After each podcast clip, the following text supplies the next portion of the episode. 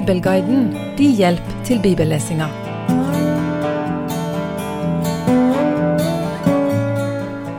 Israelittene er i krig med filistene.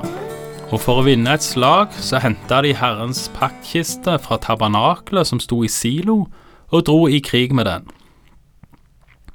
Det kan virke, som nevnt tidligere, at de tenkte at paktkista i seg sjøl hadde magiske krefter, men dette blir selvfølgelig spekulasjoner. Resultatet er i alle fall total katastrofe. Mannefall. Paktkista blir tatt. Elis sønner dør.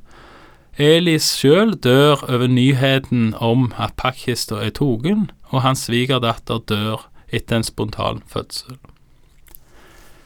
Men filistene skal få angre på at de tok Guds ark, at de tok Herrens paktkiste. De tar den med til guden deres Dagon sitt hus.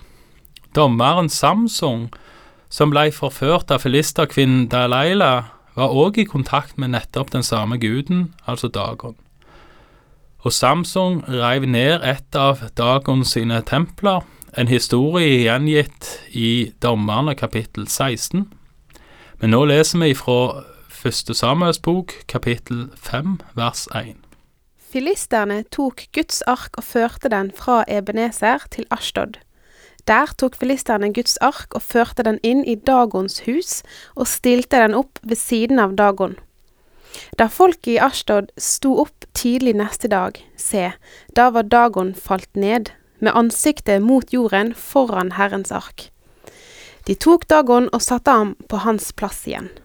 Men da de sto opp tidlig neste morgen, se, da var Dagon falt ned med ansiktet til jorden foran Herrens ark, og Dagons hode og begge hendene hans lå avhogd ved dørterskelen. Bare kroppen var tilbake av Dagon. Derfor er det at Dagons prester og alle som går inn i Dagons hus, like til denne dag, ikke trår på Dagons dørterskel i Ashtod. Det kan virke litt rart at filistene bare tar inn en fremmede gud, som de da faktisk trodde at pakkister var. Og Grunnen til jeg sier de trodde det var en gud, det var knytta til responsen deres når israelittene sitt jubelrop kommer ifra når israelittene får pakkkista inn i deres leir. Det kan virke litt rart at de bare tar seg en gud til. Men filistene trodde på flere guder. Og selv om fruktbarhetsguden Dagon nok var en, en hovedgud, så trodde de at det var flere. Og sånn sett så er det ikke en nedvurdering av deres egen gud at de tar paktkista til Gud inn i dagens hus som en ny gud. Det som skjer, er jo bare merkelig. Jeg syns det er merkelig både at det skjer, og òg at det blir kjent at det skjer. For Gud demonstrerer litt av sin makt. Hans pakt er stjålen, og det lar han ikke gå upåakta hen.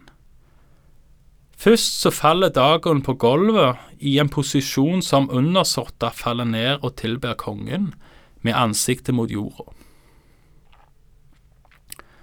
Men filistene setter Dagon opp igjen, og denne gangen så blir han øyelagt.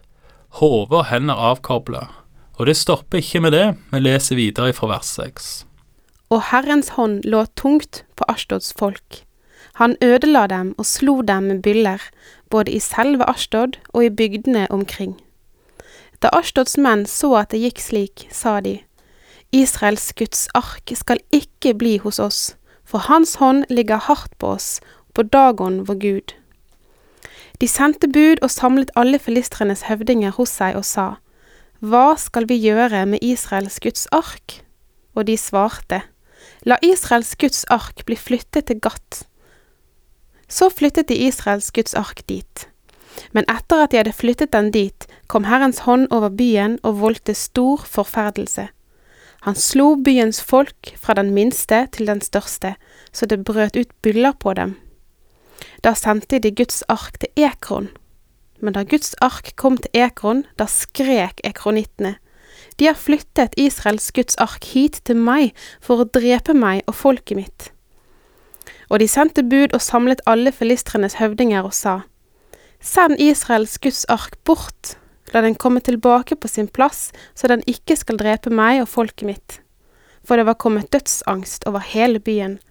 Herrens hånd lå meget tungt på den. De menn som ikke døde, ble slått med byller, og skriket fra byen steg opp til himmelen. Straffa for å ta Guds paktkiste, beskrevet i disse versene, er enorm. Folk dør, eller de blir syke. Igjen så kan en spørre seg hvordan en god gud kan tillate noe sånt. Faktisk ikke bare tillate det, men faktisk forvolde det.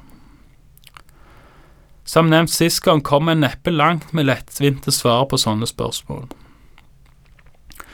Kanskje ligger noe av problemet i vårt eget bilde av oss sjøl og av Gud. Syndefallet handler dypest sett om at mennesket vil kjenne godt og vondt og være Gud sjøl. Denne iboende tendensen til å ville redusere Gud, Guds veier, Guds tanker, Guds motiv og Guds handlinger til noe vi sjøl kan forstå, er kanskje det som gjør at vi trekker feil konklusjoner. En av de kanskje farligste tinga en kan gjøre, er å ta lett på Guds hellighet og budet om å ikke ha andre guder enn Han. Israelittene fikk ikke med seg Gud i slaget mot filisterne, men de gikk til slaget med Guds paktkiste, som var hellig og Guds eiendom, men ikke Gud. Dette straffa seg.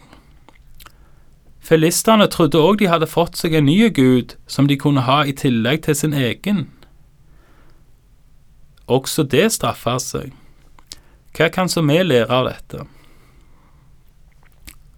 og vi kan ha avguder.